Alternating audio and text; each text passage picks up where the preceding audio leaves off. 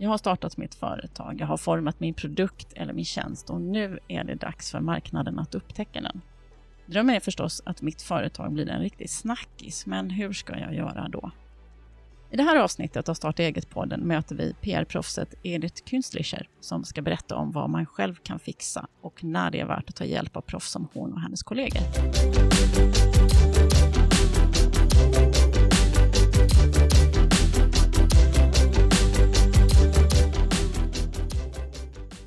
Och välkommen till Starta eget-podden med mig Jasmin Bayramoglu och välkommen Edith som driver PR-byrån Edith K. Hallå, vad trevligt att vara här. Men du, eh, i ett tidigare avsnitt av Starta eget-podden så pratade vi varumärkesstrategi och så här med Pia Andersson. Eh, hur man skapar en varumärkesplattform helt enkelt utifrån hållbarhet och så där. Nu tänker jag att man ska ta det till lite mer så konkreta, okej, okay, lite mer hands-on. Hur gör man sen då för att få ut den här grejen? Men om man börjar så här, då, vad är skillnaden mellan en reklambyrå och en PR-byrå? Eh, ja, men vi brukar säga att PR är förtjända medier eh, och reklam är köpta medier. Så att reklam, då gör man en annons och man bokar en annonsplats och så köper man en annonsplats.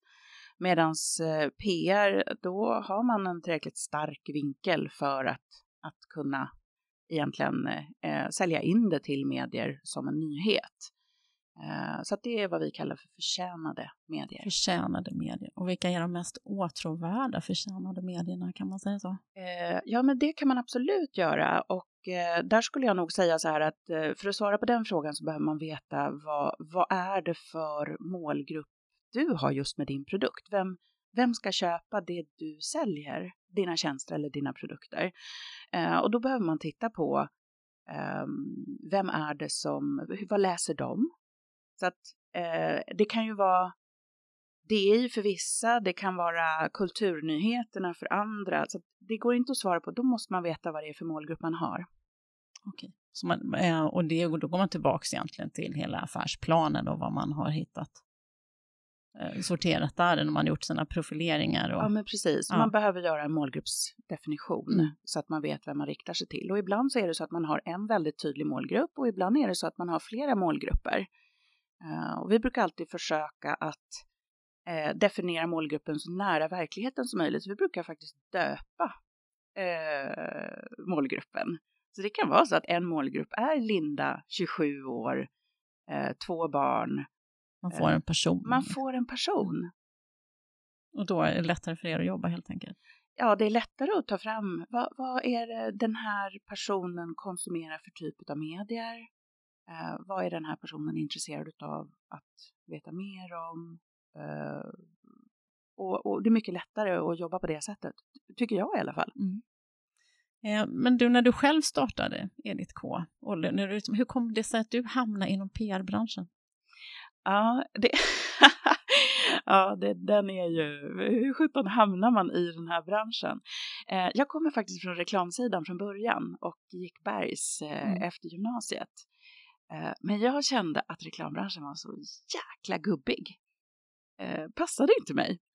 Tyckte att det var liksom, det var ett tak som var så lågt så att jag kände att äh, jag måste ut härifrån. Och sen gjorde jag en liten deep. Har det ändrat sig där tror du? Pass. Pass på den, ja. ja, men jag tror att det är olika. Jag tror ja. generellt sett så har sam, eh, samhället har ju ändrats. Det här är ju början på 90-talet, så att ehm, eh, eh, då kan man räkna ut hur gammal jag är. Men,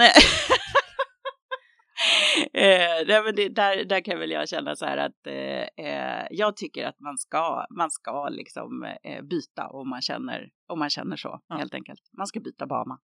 Och vad var det som lockade med PR då istället? För att det var eh, mer jag, kvinnor där? Eller? Nej, men jag körde faktiskt en detour och eh, att jag hamnade och öppnade EDK ska jag säga är en eh, nästan som, som ett kall. Eh, för att jag använder idag alla färdigheter som jag har under hela min karriär ehm, jobbat med. Så att jag har jobbat inom då reklam, marknadsföring, eh, grafik, eh, mediapaketering, mediaförsäljning. Jag har jobbat på bank. Vilket jag kan säga som egen företagare, så det är så fantastiskt att ha fått vara. Men vad gjorde du på banken? Mm, jag jobbade på SE-banken, får man säga det? Ja, det får man säga. Ja, det är. Eh, och jag jobbade ute i Stora bankhuset i Rissne eh, och jobbade på... Där var faktiskt jag igår på ett eh, business hack som vi hade ett event där. Ja, ja. Marmorpalatset kallar jag det. Eh, och eh, det här var i, som sagt i början på 90-talet och eh, jag var där i två år och jobbade med, eh, på en avdelning som hette betalservice. Eh, och det slutade med, jag började på en avdelning men det slutade ändå med att man kopplade alla problemkunder till mig, alltså svåra, kluriga frågor. Besvärliga människor. Besvärligt! Och du vet, man hade förlorat transaktioner och det var Folk var rädda, arga, frustrerade. Och, eh, och jag jobbade på telefon.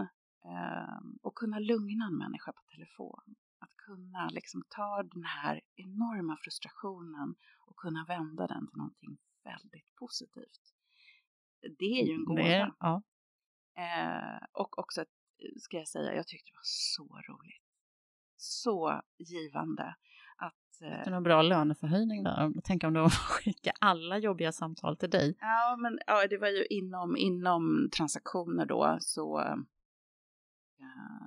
så skickade man, ja ah, Edith du får ta det här. Det, det började ju så mm. och sen blev det lite vedertaget att uh, för folk kan ju bli väldigt, och det märker man ju i sociala medier idag. Och så, så, var ju folk i telefon innan när man då ringde istället för att och, och skrika på folk på Facebook i, på, på chattfunktionen. Mm. Eh, så att jag har haft mycket eh, otäckheter i mina öron. Men vad har du för nytta av det som PR-konsult? Oj, oj, oj.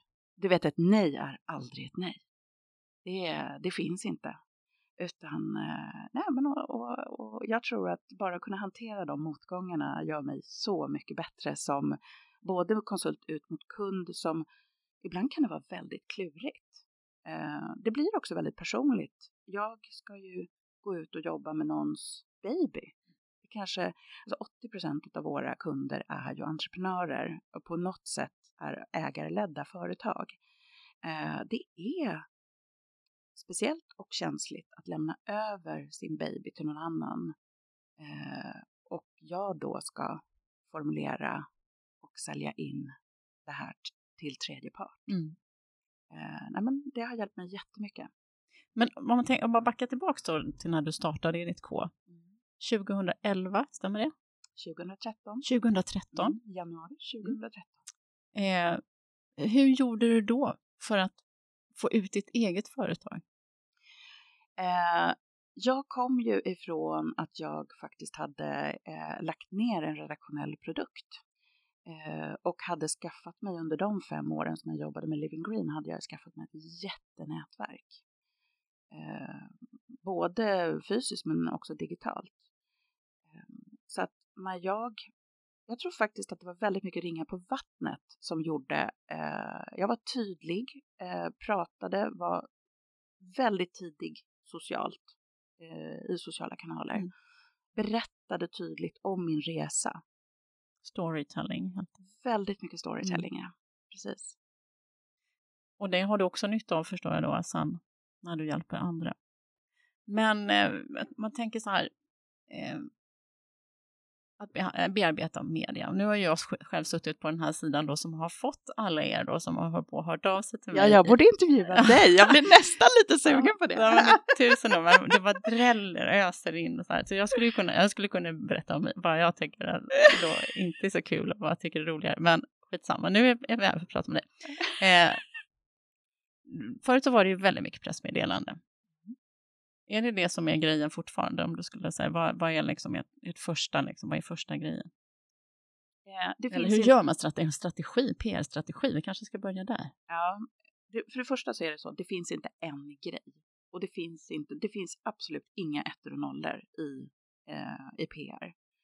Och det tror jag man måste ha förståelse för, att du kan lägga ner hur mycket tid och energi som helst och ibland så händer inte mycket. Eh, och ibland så blir det hur bra som helst.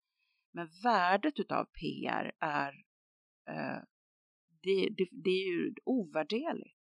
eh, när det blir riktigt, Mm. riktigt bra. Eh, så att jag, för det första så skulle jag nog säga att man måste definiera målgrupp. Det är A och O. Vet du inte vem du pratar med så vet du inte heller vad du ska säga. När du väl vet vem du pratar med, du tar fram vad du ska säga, det vi kallar för vinklar. Eh, eller budskap, men, men, men någonstans så behöver man ju eh, hitta vinklar beroende på vilket media. Sen väljer man vilka medier man vill eh, approchera. Och då ska man, eh, man ska inte välja alla då eller? Jag tänker att jag ska, jag ska nå alla, utan man ska välja några som man tycker är lite kreddigare, eller hur Nej, väljer men, man då? nej, men jag, jag tror så här, eh, vi jobbar ju väldigt mycket med kvalitet istället för kvantitet. Eh, ibland kan det ju vara så att man har en nyhet som man vill få ut på sin hemsida, man vill att den ska ligga kvar, man kanske har ett pressrum i ett av de här digitala verktygen. Det kan man absolut ha, men man ska Pratar inte vi ha om typ My Newsdesk eller? ja, Cision Ja. till exempel. Men där, man ska inte ha en övertro på att en journalist går in och liksom, åh, det här var ju en intressant nyhet. Eh, för den tiden finns inte i journalistens vardag idag, tror jag. Det gör ju inte Nej. det. Så att där tror jag att man behöver, eh, eh, det finns inte en väg att gå, men ibland finns det, eh, finns det fördelar i att faktiskt ha ett digitalt fotavtryck som, som jag kallar det för, där man, eh, där man helt enkelt matar på med vissa nyheter och sen när du väl ska sälja in någonting så gör historiken att i sammantaget så blir allt intressant så att säga. Eh, så att ehm, Man har det som en bank nästan då. man har det som, en, som Mm. ett skyltfönster, Mm. att det här händer hos oss, så här ser vår resa ut. Eh, det kan man absolut ha. Men sen, sen så är det så här att jag, jag tror absolut att man ska tänka kvalitet istället för kvantitet. Och vad är kvalitet för dig då? Kvalitet är att du vet vad din målgrupp läser. När du vet det så vet du vad de tidningarna eller de kanalerna, eh, hur de är uppbyggda. Du gör ett val där.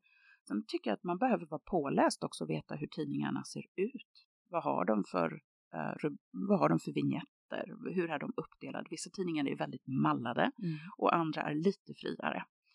Ehm, sen, jag tycker verkligen att man ska inte underskatta eh, de lokala medierna och branschtidningar. Vilket jag, när du ställer frågan utifrån så här, ah, vad är mest kreddigt? Mm. Ehm, det, det är nämligen så att lokaltidningar har otroligt lojala läsare. Och med, Fortfarande. fortfarande. Mm. Ehm, för att man är intresserad av vad som händer på sin eh, bygd, så att säga. Och det finns ett enormt värde i det. Men hur, om man tänker då, mm, när jag började nu har jobbat, jobbat som journalist jättelänge, men jag tänker då, då fanns ju inga sociala medier överhuvudtaget och det var ju egentligen telefonen eller så, och sen kom mejlen. Eller så fick man ju först då pressmeddelandena i ett kuvert som man fick sprätta upp. Mm. Det var Du tidigt. har jobbat länge. Jag har jobbat väldigt länge. Eh, nej, men så, eh, det är dinosaurien här bakom mikrofonen. Men jag tänker, vad nu med sociala medier och sånt där, kan man värdera vilket som är, liksom, var, var kan man göra störst skillnad i traditionell media eller i sociala medier? Det är Eh, också beroende Ja, nu på blir produkt. jag ju väldigt, väldigt tjatig. För att eh, ponera att du, du får in en artikel i eh, en dagstidning. Men de som köper din produkt läser inte den dagstidningen. Då är inte det värdet speciellt högt. Däremot om det är så att du får eh, en, en väldigt bra spridning i sociala kanaler på något sätt eller i en webbtidning eller på en blogg som dina eh, kunder läser, då är, är det ett högre värde. Mm. Sen är det klart att det finns, eh, det finns värde i att synas kanske i en kreddig tidning utifrån perspektivet att, eh, att, att ditt varumärke lyfts på lång sikt. Men här behöver man ju tänka utifrån varumärkesperspektiv. Man behöver också tänka försäljningsperspektiv. Eh, Jag jobbar väldigt mycket med att i slutändan så är det ju så att det är någonting som ska säljas. Ja, man kan ju inte bara bygga upp en image för då Det blir tokigt alltså. är det många som gör så. De tänker fel. Eh, jag tror att det är många som tänker bara jag syns så, så är det bra. Mm. Men jag tänker på en sak, om man nu ska säga en sak som, mm. ändå kan, som, kan, som jag kan reagera på. Man får ett pressmeddelande. Och så kan man känna ibland att det är, dels att det är väldigt mycket information i en del. Det, det är långa, långa liksom, texter. Så då blir man ju trött innan man ens har börjat läsa. Liksom. Ja. Eh, men sen kan det också vara att det känns ibland som att man formulerar ett budskap som man själv vill få ut och det här tycker vi är viktigt. Men så kan jag känna sig, ja, men tycker jag att det här är intressant? Ja, kanske inte, självklart. Nej. Så då, då är så, för då går ju journalisten i mig frågar ju hela tiden, oh, okay, vad är grejen i det här då? Mm. Framförallt, vad är det den tidningens läsare skulle vara intresserade av att läsa om? Mm. Så man måste försätta sig i läsarens ja, skor. För, för det är det journalistens arbete handlar om. Så att, och, och där tror jag att det är väl lite, det är kanske lite för mycket begärt att man, det här, det här är ju någonting, det är ju mitt yrke.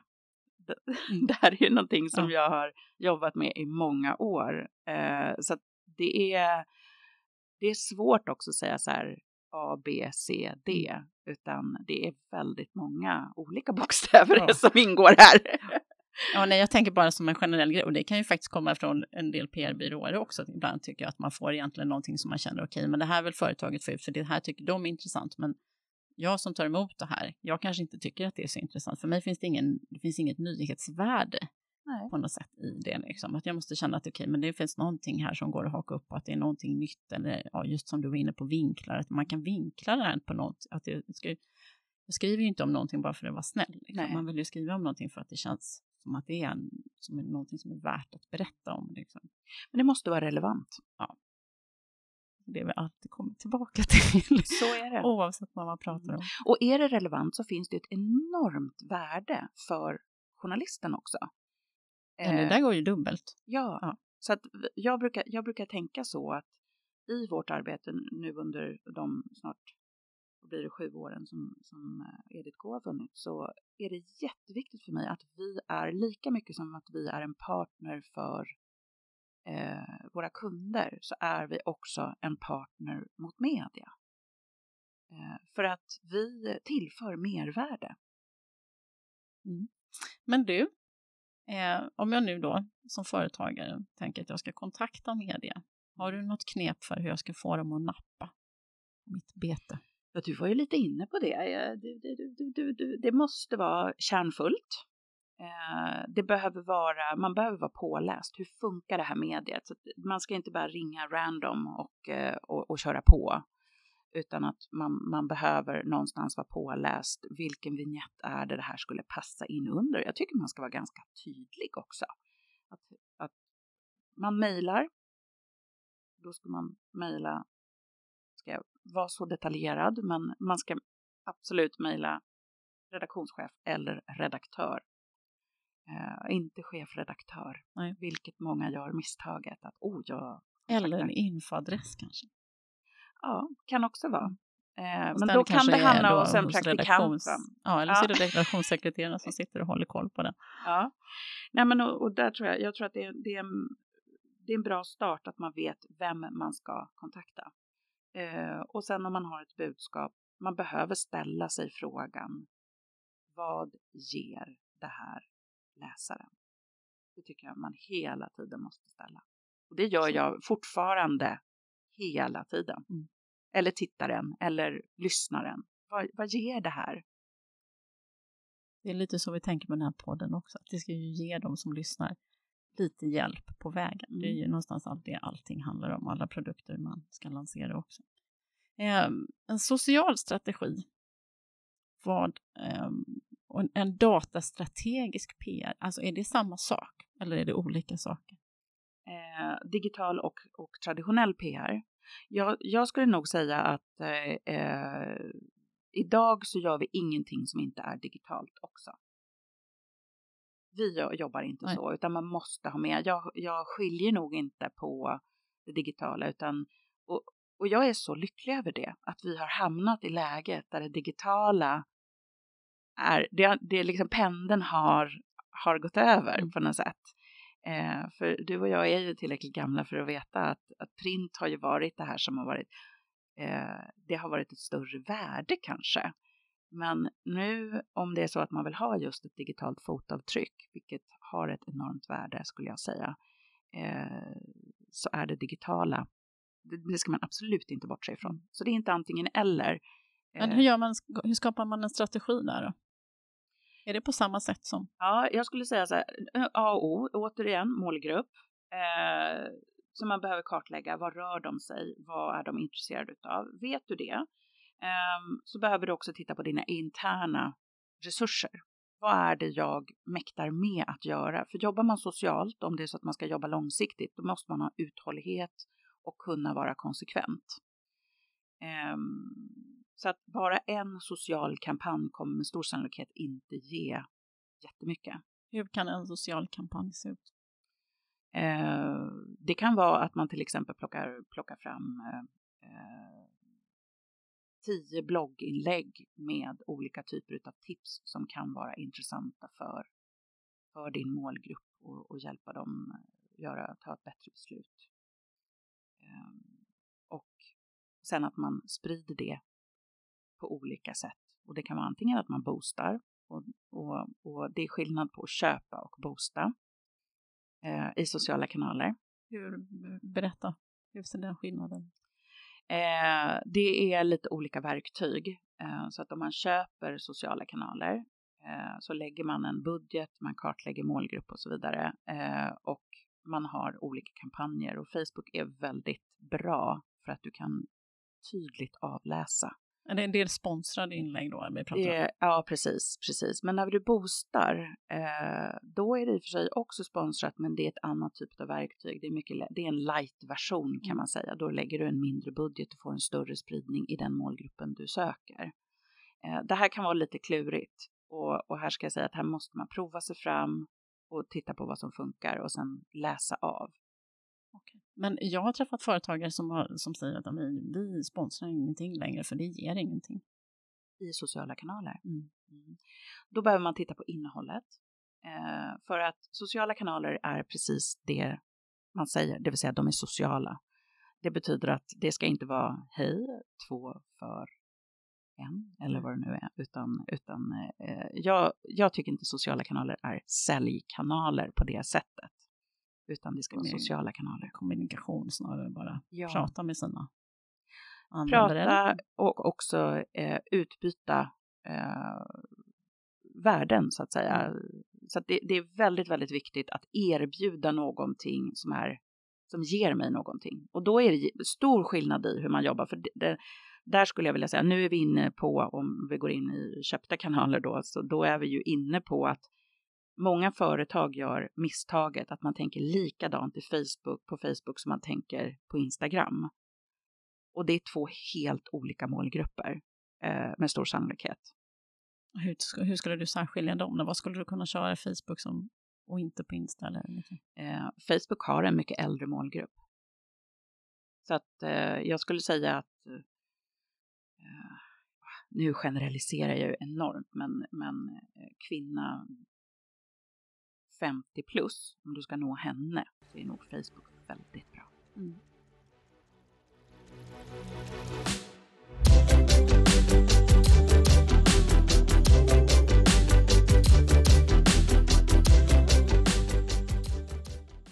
Jag är väldigt förtjust i att vi har Fortum som partner till podden och jag ska berätta varför. För det första är det vårt ansvar som företagare att välja ett elbolag som satsar på hållbarhet och ren energi. Och eftersom Fortum är Nordens största elbolag och det ledande energibolaget inom ren energi så kan de verkligen göra skillnad. Och ju fler vi är som väljer dem, desto större skillnad kan de göra. Det andra jag gillar med Fortum är att de är väldigt vana med att ta fram vassa elavtal till oss som driver företag i alla storlekar. Därför vill jag tipsa dig om att gå in på fortum.se starta eget och få möjlighet till gratis elrådgivning. Det skadar ju aldrig att jämföra, eller hur? Och tänk om ditt företag både kan spara pengar och hjälpa miljön på samma gång. Det är värt att spana in. Så gå in på fortum.se starta eget och hjälp miljön och förhoppningsvis också din elräkning på samma gång.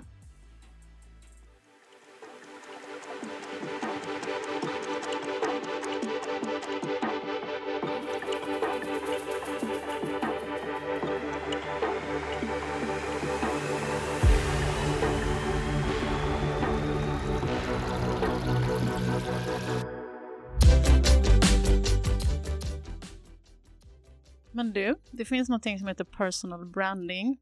Och här är ju du själv en superstjärna. Eller? Men gud vad gullig du är, tack snälla. ja, men, eh, för så, åtminstone tänker jag så personal branding, då, är det ju, då använder man ju sig själv ja. att marknadsföra sitt eget, eller hur? Mm. Och du är ju om man, om man tittar på, på ditt företag och, och dina företag, det är ju du och du och du och du hela tiden. I väldigt ja. typiskt Edith maner liksom. Ja, jag har ju valt att fronta mitt företag. Och det där kan man ju göra, nu heter ju mitt företag till och med mitt namn, ja. vilket är väldigt extremt, men, eh, men jag har valt att, att fronta och det, det är ett strategiskt val. Eh, för att jag liksom, det är lite kravstämpel Eh, känner man mig så vet man vad man får på något sätt. Eh, och det tycker jag är positivt. Och, och, så, så med personal branding, nu jobbar ju väldigt mycket med personal branding och bygger olika typer av profiler. Och experter och författare och så vidare. Men med mitt egna personliga varumärke så är jag nog väldigt bjussig. Att, Hur tänker du bjussig då? Vad står det? Vad betyder det? Eh, jag bjuder på mig själv. Jag eh, är väldigt rak jag är, och det är jag i mina sociala kanaler också. Och jag bjuder på min eh, resa. Men Edith, har du några sådana här speciella favoriter? Några som, är, som du tycker är lite extra duktiga när det gäller personal branding?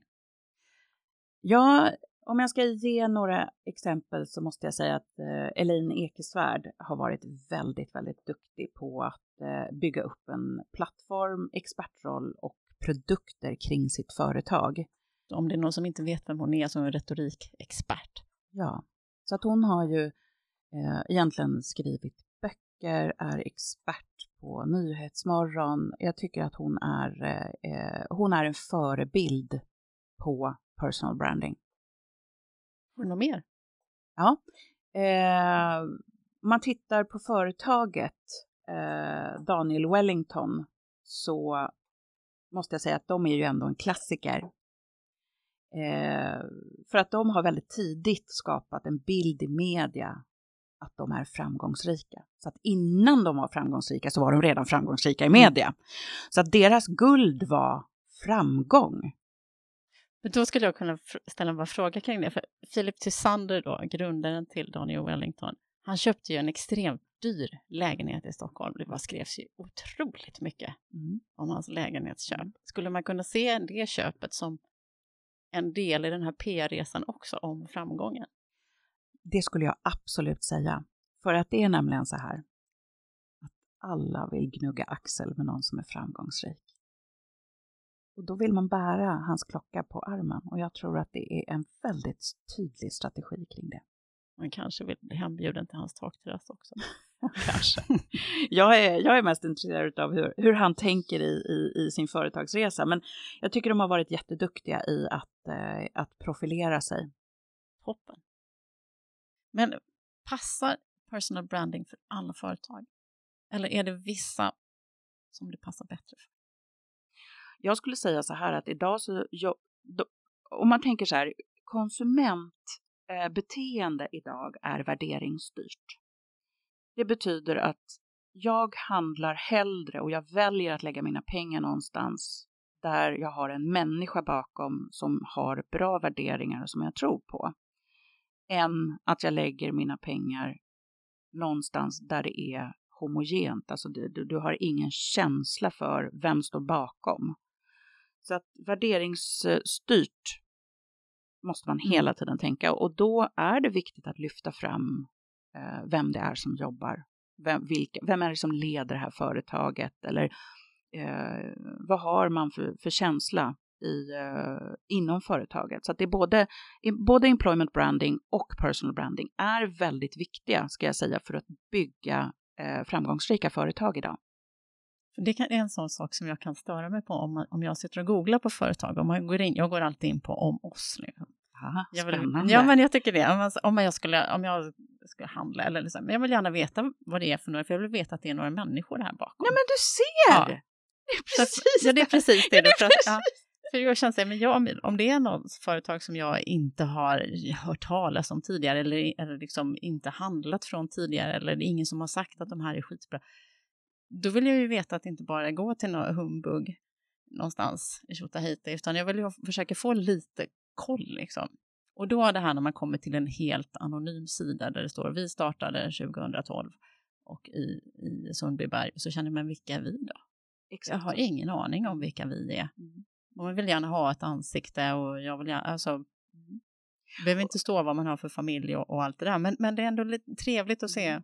att se att här, men det här är ju också människor, de här är ju som jag, mm. eller som mm. whatever. Och då måste jag bara ställa en fråga. Mm. Har du alltid känt så? Eller, alltså jag tänker så här, hade du det köpbeteendet för 20 år sedan? Fast då handlar man ju i butik, då mötte jag i alla fall någon över disk liksom, tänker jag. Man hade ju ändå det här personliga mötet i, butiken då. Att det var, alltså var det någon som man tyckte var väldigt dryg eller otrevlig, ja men då kanske inte jag handlar där inne. Eh, jag tror nämligen att trenden ja. går mer mot att man röstar med sin plånbok. Ja, kanske är så. Men det, men det är ju, ja, man vill ju vara, det handlar ju också om trygghet tänker jag, alltså det är så mycket där. Mm. Mm, ja, så kan det vara. Men jag får ofta höra, eh, det finns ju risker i det där också, att man... Det, jag brukar få frågan, ja men, men personal branding och vi jobbar ju både med, med små företag men också lite större företag där, där kanske en vd ska profileras. Eh, och vd tenderar ju till att kanske inte vilja synas mm. egentligen. Det, det är så märkligt. Men, Wallenberg-stuket. Ja, men Verkar man vill inte synas. Exakt, -huh. exakt. Och, och, och, och, och jag tror att det här är någonting som man måste vänja sig vid framåt. Att det är precis som du, att man vill veta vem som håller i styret och vad den personen har för värderingsgrund. Och det måste man kommunicera på ett sätt som eh, känns både personligt, professionellt och trovärdigt. Eh, och det är det personal branding handlar om. Eh, och jag får ofta höra att när folk går in på vår hemsida så frontar jag väldigt tydligt. Det är till och med så att jag frontar och sitter bredvid min hund. Mm. Även hunden är Även hunden är en del av mitt brand. Eh, och det är jättespännande när folk kliver in på vårt kontor som aldrig har varit hos oss. Och det här tycker jag är så intressant. Eh, det första folk säger är, men det ser ju precis ut som på er hemsida. Hur lyckas ni hålla ihop det här? Och var är hunden? Och vad är hunden? Ja, hunden är på kontoret. Men, men, men just det här att jag tror att ska man, ska man tänka så ska man tänka långsiktigt är min absoluta rekommendation. Och att man ska hitta och lyfta fram några tydliga saker som du är riktigt bra på. Om du tänker dig att du har ett litet företag, du kanske är ensam eller ni kanske är tre, fyra stycken. Vad är det som särskiljer er? Och det ska man lyfta i sociala kanaler, man ska lyfta det på hemsidan och man ska lyfta det även fysiskt på kontoret. Så att det är samma stuk liksom ja. över hela linjen? Ja. Så att du verkligen lever som du lär. Mm. Tror du man får med sig liksom någonting så här undermedvetet tänker jag då? När man driver sitt företag, att man, att, jag vet inte ens hur jag ska formulera det här. Jag bara tänker att det är någonting att man, att man verkligen har med sig den känslan hela vägen och att det, att det påverkar slutresultatet. Absolut. Absolut. Och det, det brukar jag säga till, till mina kollegor som, som skriver mejl. Hos oss är det, Eh, det är ju jätteviktigt hur, hur man uppfattas om man skriver ett mejl med stavfel eller eh, alltså helheten mm. måste vara bra för att för att eh, oavsett vad det är du säljer så, så måste man upplevas som professionell. Och det, det är i det lilla och i det stora. Mm. Men du tänker på, finns det någon fara med personal branding? Jag tänker så här, om, om jag har profilerat mitt företag skithårt på mig själv mm. och sen så kommer en dag när jag bestämmer mig för att sälja det. Mm. Där, där kan jag säga så här att om det är så att man har exit i åtanke, eh, då behöver man tänka på hur man bygger från början. Eh, då kanske det inte är det absolut bästa att bolaget heter ditt eget namn till exempel. Eh, jag har inga tankar på att sälja mitt bolag och jag är ensam ägare och har inga tankar på att plocka in någon delägare heller. Men eh, det har varit en strategi. Det behöver man absolut tänka på. Mm. Däremot så är det så att vad gäller personal branding så betyder inte det att det är ett hinder när man väl säljer. Det kan mycket väl vara så att du får en större prislapp om det är så att du har en stark trovärdighet hos, hos målgrupp. Så att du, eh, när du väl säljer så får du, ett, får du bättre betalt helt enkelt. För några år sedan så pratade man ganska mycket om så här grilla marknadsföring. Ja. och jag, Är det hett fortfarande? nej men jag tycker inte det alltså. Jag, är, jag, jag känner inte alls att jag är, jag är inte alls på den alltså. Men vad handlade det om? Var det det Eh. här, det var någon kampanj av svenskt bolag som körde över något litet sportplan över Ryssland och släppte ner nallar och grejer och... Vad- Eh, det var- finns ju massor med olika exempel på det här, men man kan väl säga så här att eh, eh, det här är ju att man gör någonting som, som är extremt, som upplevs som off, eh, som då får spinn i media. Eh, det kan ju vara jättetokiga saker. Men om man tänker sig att man är ett litet företag och ska jobba med eh, gerillamarknadsföring, eh, då måste man lägga ganska mycket resurser och få, alltså utfallet är så osäkert. Så jag kan inte rekommendera det. Nej, det var det. Punkt för den. Ja, det är punkt ja, det där. på punkt för den. jag, sa, jag är ärlig, jag är Ja, tydlig. ja. Men du, finns det några andra saker som man bör undvika? Det finns andra sådana här no-nos när man ska försöka marknadsföra sitt företag. Ja, ehm, jag tycker att man ska undvika kanske att vara väldigt eh, eh, självfokuserad. Man ska fokusera mer i sin kommunikation på hur, hur man gör nytta för andra. Det är egentligen det här som man kommer tillbaka i återigen då med affärsplanen och vad ska den här produkten eller tjänsten göra för skillnad? Mm.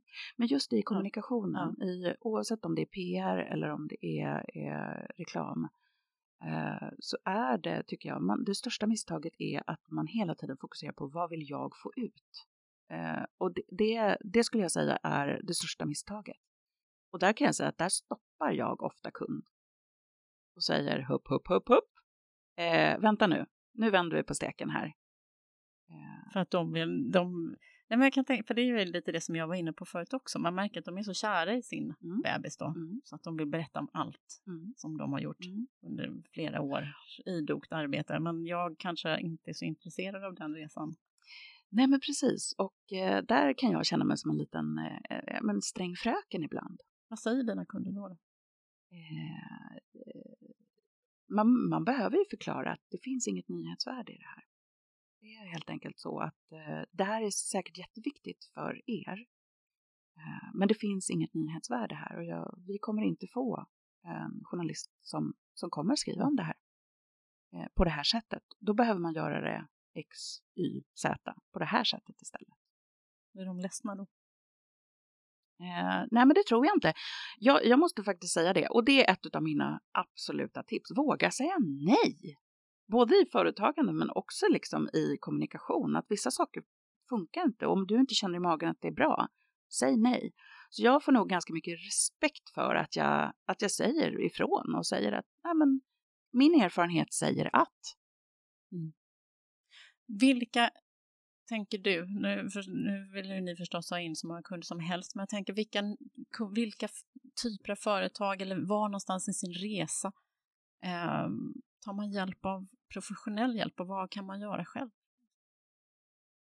Ehm, ja, det är faktiskt en jättebra fråga och eh, vi, vi tar faktiskt inte in hur många kunder som helst. Vi jobbar med färre kunder men jobbar mer integrerat med varje kund. Eh, så för mig är det otroligt viktigt att veta att vi kan göra det som, som är målet med vårt samarbete. Så att, eh, där säger jag faktiskt också ofta nej. Jag är värsta nej-sägaren. men, men jag tror på det. Jag tror man ska liksom ta de sakerna som man känner att här kan vi göra nytta. Eh, men där tror jag så här att eh, det kan vara så. Säg att man har startat ett företag, eh, man har en, en produkt Eh, man kan göra mycket av arbetet till en början själv. Och här tror jag att man ska tänka kvalitet istället för kvantitet återigen. Så att du ska inte ha liksom ett bildbibliotek med pressbilder på dig själv och du har 35 bilder utan hellre att du har tre högupplösta bra bilder exempelvis. Alltså det, det kan man göra. Eh, så det finns en del saker som man kan göra själv. Jag har ju bett dig förbereda en liten lista. Mm. Ska vi köra den kanske? Ja, men det kan vi göra. Shoot. Ediths... Jag vet inte hur många tips du har dragit ihop det. Jag, Ja, men jag sa har- till dig tio, så jag, men det kanske är lite... Ja, det är mycket. Det är mycket, Men, men ja. vet du, jag är bjussig va? Ja. Man ska ju leva som man lär, det har vi Så är lärt oss. Ja. Eh, nej, men om man tänker så här, tio bästa tips för att skapa PR. Eh, nu har jag liksom väldigt så basic nivå, men, men det känns ändå som att eh, jag har ju startat flera företag och har gjort det från scratch. Eh, och det, det tar ett tag att bygga upp. Så att vi, vi kör lite från början, Mm. helt enkelt. Eh, nummer ett, ta fram ditt guld. Och det betyder inte egentligen... smyckesasken helt enkelt. Nej, det är ju inte det, utan eh, då lyfter jag tillbaka, kommer tillbaka till det här som jag pratade om innan, att man behöver, man behöver klura lite på så här, vad är mitt, min edge? Liksom, vad är det jag är bäst på eller vårt företag är bäst på? Och det är klart att alla tänker så här, oh, men vi är unika. Men det kan vara små saker som gör att man faktiskt är konkurrenskraftig. Eh, här tycker jag att man ska göra en lista är man flera ska man liksom komma överens om vad är guldet och vad ska kommuniceras i alla kanaler. Eh, eh Om man inte är säker på vad som är, alltså tänker så här, ska man dubbelkolla det med någon som kanske är mer man eh, kanske tror att guldet är en sak och det visar sig vara silver och guldet låg någon annanstans. Ja, fast återigen, det är inte totalitärt, utan ibland är det så här att man, man får liksom köra, man testar, funkar det, funkar det inte, nej okej. Sen kan guldet förändras över tid också, Okej. vill jag säga.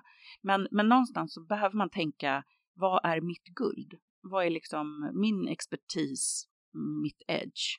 Jag fick höra en grej igår, det var någon som sa att, att man kan tänka lite så här, vad skulle andra företag kunna säga om sina produkter som står på min lista också? Alltså, Mm. för att sålla bort då, just att hitta vad, vad är unikt Mm. egentligen. Mm. Liksom. Och ibland är det så här att det behöver inte vara så jäkla unikt. Jag brukar säga så här, man ska säga vårt guld eller mitt guld. Det är tempo. Jag springer snabbare än alla andra. Det behöver inte vara Nej. svårare än så. Men det är faktiskt att jag springer snabbare än alla andra. Jag får mer gjort. Och, och, och, och, och det låter kanske i, i Sverige som att oh my god, sa hon det? Men det är så. Det är liksom mitt edge. Och det kommunicerar jag i alla mina kanaler. Så d- bara som ett exempel behöver det inte vara rocket science här. Nej. Okej, Okej. hitta guldet. Hitta guldet. Två, eh, kartlägg vilka medier dina kunder konsumerar.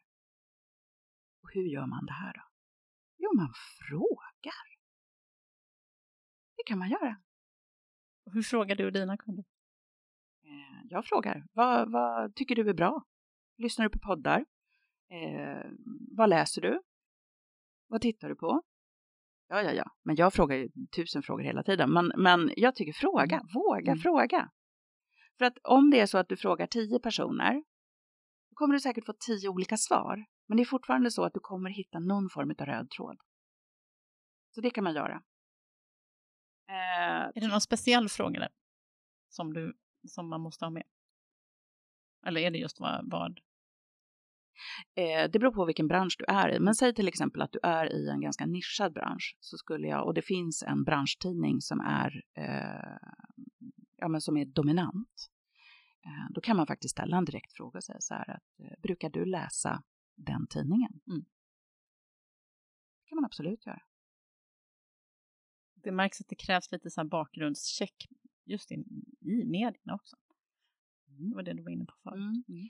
Ja, men och det tror jag att oavsett vilken bransch du är i så behöver du, om, om man ska jobba med PR så behöver man ju veta vilka medier som, som eh, tar upp mina branschfrågor. Fråga. Mm. Eh, tre då, gräv där du står. Och det är ju ett vitt begrepp. Eh, och jag nämnde tidigare att man inte ska underskatta lokala medier. Så att jag vill slå ett slag för lokala medier och jag vill slå ett slag för branschmedier. Man tänker så stort. Mm. Eh, jag tror att det oftast finns ett mycket större värde i att synas rätt och inte stort. Ehm, Bra. sen, Nej, men det är kul. Men det är rätt men inte stort. Ja. eh, sen fyran, eh, kontakta redaktionschefen eller redaktören och alltså inte chefredaktören i första hand. Sen kan det vara en liten redaktion såklart och det är chefredaktören som gör allt. Men, men generellt sett så behöver man titta på hur tidningen ser ut och, och se vilken journalist som skriver om den typen av frågor. Då skulle jag vilja flika in en sak. Får jag göra det? Ja. Nej, men jag tänker ibland så får jag så blir jag så uppringd eller så får jag mejl från människor som, där man, det är helt uppenbart att de inte vet vem det är de har ringt egentligen. Utan de har en uppfattning om eller att den här, nu har jag jobbat på att driva eget antal år, liksom, att driva eget är ungefär det här, men de har kanske inte sett produkten. Nej. Utan de är lite lata där. Mm. Lat får man aldrig vara. Det är ju totalt avtändande i min bok. Liksom. Det eller de kan säga fel namn. Mm. Så här. Mm. Nu har ju du ett ganska svårt namn att uttala. Nej, jag pratar inte om min, nu, menar jag inte, nu menar jag produkten, alltså min produkts Ja, namn, inte mitt eget namn. Ja. För det, där har jag all förståelse Nej, för att det är krångligt. Men, Men, men det är lite så här, mm, Mm. Nej, men på, man måste vara påläst och, och, eh, och därför återigen kvalitet och inte kvantitet. Ring hellre två medier och gör en bra pitch än att du ringer 20 medier och gör 20 dåliga pitcher. Så. Ehm, fem. Jag pratar mycket om att, att vara bjussig. mm, Och med det betyder det egentligen att om man vet vad guldet är, hur är man bjussig? Att man är informativ, ger fakta, eh, kanske går omväg, tar fram siffror, eh, trender. Det är att vara bjussig. Det tycker media om. man ska inte snåla på det. Nej, Nej. och man ska inte vara så um, protective. Mm. Att du liksom säger nej, men det här är ju mina branschhemligheter. Alltså, det är väldigt lite som är så unikt att du inte kan dela mer utav. Egentligen. Bra. Ehm, ja, jag tjatar ju konstant. Nummer sex. Högupplösta bilder. Och skulle jag också säga då, att det finns bilder som man kan hämta själv utan att behöva be om dem. Ja. Att man inte ska behöva mejla någon som kanske svarar om fyra dagar och, och sådär, utan att utan att, nu, nu börjar det låta här i studion för jag har en valp med mig idag, har hittat något kul. ja, det är svårt att koncentrera Ja. sig måste jag säga. Men, jo, men just det att det ska vara lätt att hitta bilder och att, att det ska vara lätt att ladda ner bilderna. Liksom. Men det är många som inte heller förstår definitionen av högupplösta bilder. Och gör man inte det så kan man alltid ställa frågan. Men jag rekommenderar faktiskt att man ska anlita en professionell fotograf. Eh, högupplösta bilder är ju eh, det är en hygienfaktor tycker jag. Eh, ska man jobba med PR, eh, många tänker också så här att eh, ja, men kommer en tidning och intervjuar, ja då tar de med sig fotograf. Ja, men så ser inte verkligheten ut Nej, idag. Man kanske får med sig någon som jag som plåtar lite vid sidan av. Eh, sju. Jobba aktivt med storytelling i eh, dina egna kanaler. Jätteviktigt. Dela med sig av sin Du menar resa. mitt privata Facebook-konto? Ja, ja, men jag tycker det. Mm. Jag tycker det. Är du egenföretagare så är det svårt att skilja på privat och jobb. Ehm, och folk tycker att det är roligt. Det är klart att det, det får inte bli för hysteriskt. Det får absolut inte bli säljigt. Men jag tycker man ska dela med sig utav att eh, nu är mina ambitioner, nu är mitt mål det här. Eh, åh, jag åkte på pumpen där. Alltså, men dela Bara- med sig av motgångarna. Ja, Mm. eh, dels så får du, du, har, du får ambassadörer där ute som liksom hejar på dig. Det, det finns ingen bättre PR. Det är fantastiskt. Och man vet aldrig vem som känner vem heller. Så att eh, det, det är ett tips som jag känner, jag känner väldigt starkt för och jag vet att det finns ett stort motstånd för. Men de flesta delar ju med sig av att hej, jag springer den här maraton eller jag, jag liksom är med på det här loppet. Eh, och det här är precis samma sak. Du gör, det här är ju värsta loppet. Mm. Lite längre sikt. På lite längre sikt, ja. precis. Vilket var vi på nu då? Var det åttan? Um, ja, då ska vi se åtta. Var aktiv i digitala eller fysiska nätverk. Alltså, jag vill slå ett slag för nätverk, både fysiska men det kan ibland vara svårt att hitta tiden om det är så att man jobbar väldigt mycket. Man kan liksom inte springa på massa olika nätverk. Men det finns väldigt bra digitala nätverk också, både i sociala kanaler men andra digitala nätverk. Och här vill jag säga att bor du på en liten ort och du inte har tillgång till nätverk, men starta ett! Mm. Hur många nätverk är du med?